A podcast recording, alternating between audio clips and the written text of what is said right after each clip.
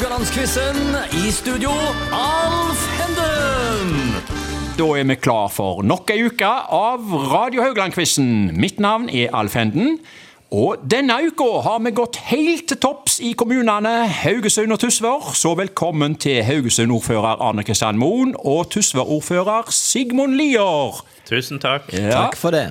For øvrig begge fra Arbeiderpartiet. Og med ordførere i studio så må vi jo åpne ukekvissen litt høytidelig.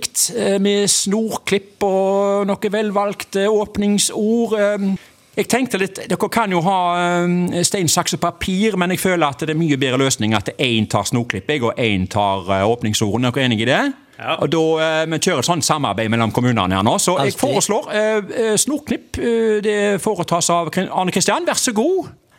Ja, Hva syns du om saks òg? Jeg har bedre saks på sykehuset. For sykehuset, faktisk. ja, det var ikke så store snora heller. Eh, Ja, eh, Sigmund, kan du ta åpningsordene? Bare noen Ja, Da må det være at og herved er uh, ukeskvissen offisielt åpnet. Ah, så flott. På Kjempegøy. bokmål. Ja. Forresten, eh, hvor mange snorklipp uh, blir det i løpet av et år? Sigmund? eh, Eh, om, ikke, om ikke nødvendigvis snorklipp, så det blir en del åpninger og sånne ting, men det blir eh, De andre oppgavene er nok flere, er flere. og oftere enn en snorklipper. Ja, Arne Kristian, har du flere snorklipp enn eh, kollegaen her, eller? Nei, jeg tror ikke det, men eh, vi gjør jo veldig mye ting sammen, så Ja. vi er ganske samkjørte på mange ting her. T-forbindelsen i sin tid, det var vel et snorklipp? Hvem var det som foretok det? Eh, Nei, det var før vi ble Ja, før dere, ja. Det var i forrige, år- nei, forrige tiår. Ja, visst var det forrige tiår. Ja. Ja. Ehm, først litt om quizens konsept og regler til lytterne. Det er en duell mellom to deltakere som skal konkurrere mot hverandre hver dag, dvs. Si fem ganger i uka. Vi har nytt tema hver dag med fire spørsmål. Begge deltakere vil bli stilt to spørsmål. Svarer deltakeren rett, gir det ett poeng. Er svaret feil, går poenget over til motstanderen. Og mot slutten av uka så kårer vi en sammenlagt vinner. Og da går vi bare i gang med tema nummer én, og det er norsk politikk. Eh, Som innledning her, eh, dere har vært ordfører siden 2015, og, har, eh, og politikere i kommunestyret i mange år før det. Når ble dere over gjennomsnittlig politisk engasjert, og hva var det som utløste engasjementet, Arne Kristian? Husker du når du nå vil bli politiker? Ja, nei, Det var i ungdomsskolen, og det Ja. var i forbindelse med Vi hadde en slags sånn ungdomsskole-spørrekonkurranse, faktisk. Det okay. het ikke quiz i den tiden. Ja. Og jeg husker jeg ble helt, for jeg kunne navnet på Utant. Utant, ja. Ja. ja. Og eh, så var det jo samtidig med første runde med EU, eller det het EF-kampanjen i den tiden. Stemmer. 1972. Ja. Da kom engasjementet mitt i gang. Ja. Og du, eh, Sigmund? Jeg eh, har alltid vært politisk opptatt. Masse politiske diskusjoner rundt stovebord og kjøkkenbord hjemme. Ja, ok. Eh, Familieselskaper som høy temperatur, så det koster etter. Men akkurat veldig veldig Det var ikke før på 2000-tallet. Og da var det faktisk helsepolitikk som dro Ja. meg inn i det. Ja. Eh, ja, Hva er dere mest fornøyd med å ha fått være med på og gjennomført? Arne Kristian, er det forresten noe dere du føler noe sånn eierskap til? Jeg må jo si at eh, det at det ikke lenger media skriver om at sentrum er død, at vi har fått liv igjen i Haugesund sentrum, Ja. det er vi mest fornøyd med. I tillegg til at nå er vi nesten millionærer, nærmer oss milliardær i kommunen. Og det er vi veldig fornøyd med. Ja. Sigmund, til svar? Ja, Tysvær, eller Haugalandet og Tysvær. Jeg Ja. er veldig opptatt av at med det siste Altså Nå har folk tr veldig tro på Haugalandet. Folk kommer til Haugalandet. Vi er midt i sentrum for grønt industriløft. Batteristrategi. Det er her det kommer til å skje de neste tiårene. Og senest i dag så jeg invitert Oslo på en svær konferanse for å presentere Tysvær og Haugalandet. For eh, vi blir lagt merke til, og det setter vi pris på. Ja. Vi må i gang med alvor her. Eh, spørsmål én. Det handler altså om norsk eh, politikk. Arne Kristian får det første spørsmålet. Hva kom først av moms og Kleppepakken? Hva kom først? Vi skal jo tilbake til 70-tallet. Ja, det skal vi. Ja. Eh, Jeg husker jo Kleppepakkene. Ja. Eh, Men jeg vil tippe at momsinnføringen var en del av Kleppepakke, første Kleppepakke, så jeg vil tippe at Kleppepakken kom først, og så ble momsen innført. Nei, der stjeler allerede Sigmund et poeng, gitt. Det er godt du kan stjele, for jeg kommer ikke til å klare å svare på noe sjøl. Nei, moms kom 1. januar eh, 1970. Eh, og Kleppepakken den kom i 1973.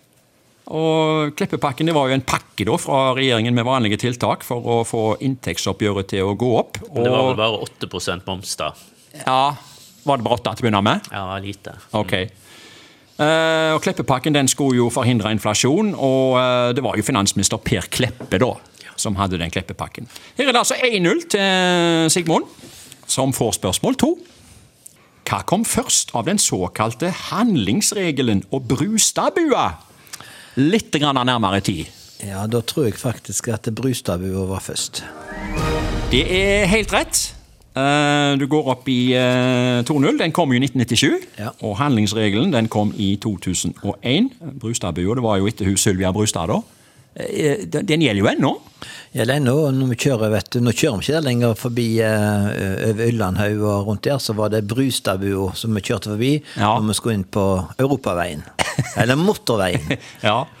Eh, Det var, er det det at du eh, det var under 100 kvadratmeter? Butikker, eh, altså Søndagsåpne butikker, det var jo det det var. At de fikk ikke lov å ha åpent med mindre de hadde, var under 100 kvadratmeter. Var det ikke det? Jeg husker ikke kvadratene, Nei, nei. men det, du har helt rett. Og Handlingsregelen den er det ingen som forstår. Forstår du han? eh, Ja, den er fantastisk. For Ja. den har gjort at vi har fått store verdier som vi kan bruke av gjennom mange, mange år. Og husk at Sverige har omtrent halvparten i statsbudsjettet enn oss, og de er dobbelt så mange innbyggere. Og det er takket være oppbyggingen av oljefondet. oljefondet. Og det heter jo ikke oljefond offisielt, men vi kaller det det. Ja. Og at vi har handlingsregel så vi ikke bruker det opp, men fa faktisk får det til å vokse videre. Innført av regjeringen Stoltenberg. Ok, 2-0 til Sigmund. Vi går på spørsmål 3. Ned til deg, Arne Kristian. Dette dreier seg om stortingsvalget i 2001. Etter valget danna Kjell Magne Bondevik en borgerlig regjering, og vi fikk det vi kaller for Bondevik II-regjeringen. Og så kommer spørsmålet, det er fleip eller fakta. Partiet Venstre fikk flere representanter i regjeringen enn de hadde på Stortinget. Er det fleip eller fakta? Det er fakta. De fikk tre, og de hadde to på Ja, Stortinget. den kom kontant. Det er, eh, nesten gitt deg to poeng på den, men du får bare ett. ja. Sigmund, dagens siste spørsmål. Spørsmål fire. Vi skal holde oss til stortingsvalget i 2001. Komikerduoen Atle Antonsen og Johan Golden hadde gått i bresjen for å stifte Det politiske parti. Eh, På landsbasis fikk de faktisk, faktisk rundt eh, 20 000 stemmer. Nå kommer påstanden. I Finnmark fikk Det politiske parti flere stemmer enn Venstre. Fleip eller fakta? Er det fleip eller fakta? Dette er gissing, men jeg sier fakta. Nei, der bomma du. Eh, Der stjeler Arne Kristian tilbake et poeng her, og det blir 2-2. Eh, Det var nok en fleip. Eh, I Finnmark så hadde Venstre oppslutning på 1,4 Eh, Andre hadde 1% og der inngår Det politiske parti. Og På landsbasis så fikk partiet 0,8% og de hadde mange bak seg på lista. Og Apropos andre, altså eh, akkurat det året der så var det et annet parti som eh, prøvde seg i stortingsvalget der i 2001, og det var Rettferdighetspartiet. Det fikk bare 138 stemmer i eh, hele landet.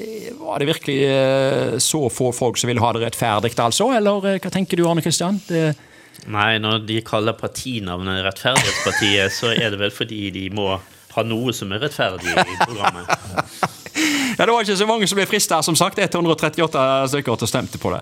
Ok, det var det vi hadde i dag. Eh, Stillingen er 2-2, og vi er tilbake i morgen med nytt tema. Ja, ja, her er det shake hands.